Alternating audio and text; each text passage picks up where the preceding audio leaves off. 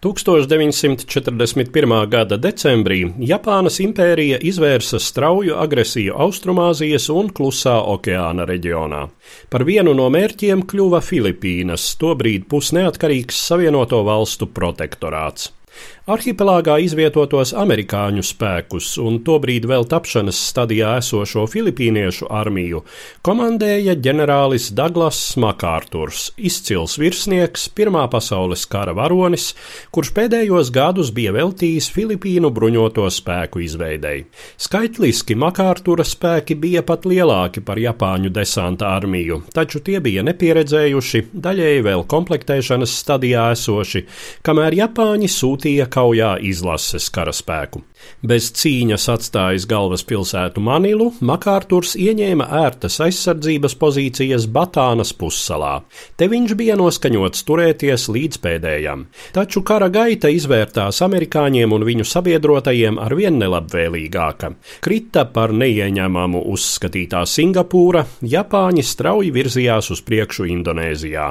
1942. gada februārī kļuva skaidrs, ka arī Filipīnu galīgā krišana ir tikai laika jautājums.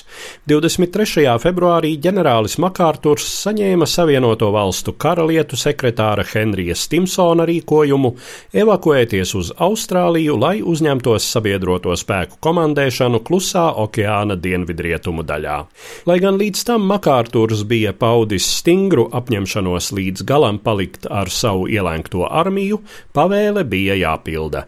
Ģenerālim līdzi devās viņa štāba komandas kodols, kā arī viņa sieva Džīna un četrgadīgais dēls. Evakuēšanās operācija sākās 11. marta vakarā.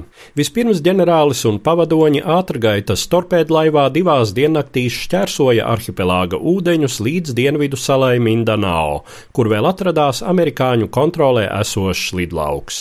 Mindanao nācās palikt vairākas dienas, līdz izdevās sagaidīt gaisa transportu. Pietiekami droši bumbvedēji tobrīd bija tikai flotei, bet viceadmirālis Herberts Līrijs krietni patielējās pirms tos piešķīra. Gaidīšana bija nervoza, jo arī Mindanao jau bija iebrucis Japāņu desants. Galu galā 19. marta rītā flotes B-17 nogādāja Makārturu un viņa svītu Austrālijā.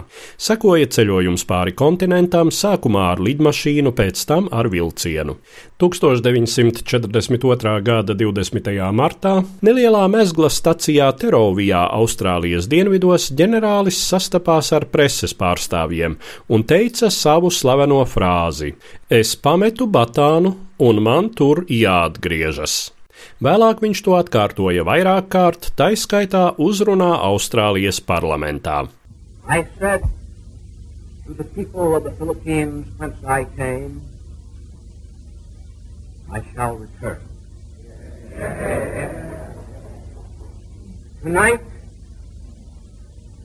I repeat those I shall return. Filipīnās palikušajos ziņa par ģenerāļa aizbraukšanu raisīja dalītas jūtas. Vairums jau saprata, ka Makārtura krišana Japāņu gūstā būtu nepieļaujams zaudējums, tomēr daudzi jutās pamesti un nodoti. Amerikāņu un filipīniešu spēki kapitulēja 1942. gada maijā, un apmēram divas trešdaļas no 70 tūkstošiem gūstekņu vēlāk gāja bojā Japāņu nometnēs. Savukārt ģenerālim Daglasam Makārturam vārdi par atgriešanos Filipīnās kļuva par īstu kredo viņa pasaules kara cīņai. Kā amerikāņu spēku komandieris viņš vadīja pret Japāņiem vērstās sabiedroto operācijas, vispirms izspiesdams ienaidnieku no Jaungvinejas ziemeļu piekrastes, pēc tam no Maluku arhipelāga līdz 1944. gada 20. oktobrī amerikāņi izsēdās Leites salā Filipīnu Filipīnu arhipelāga centrā.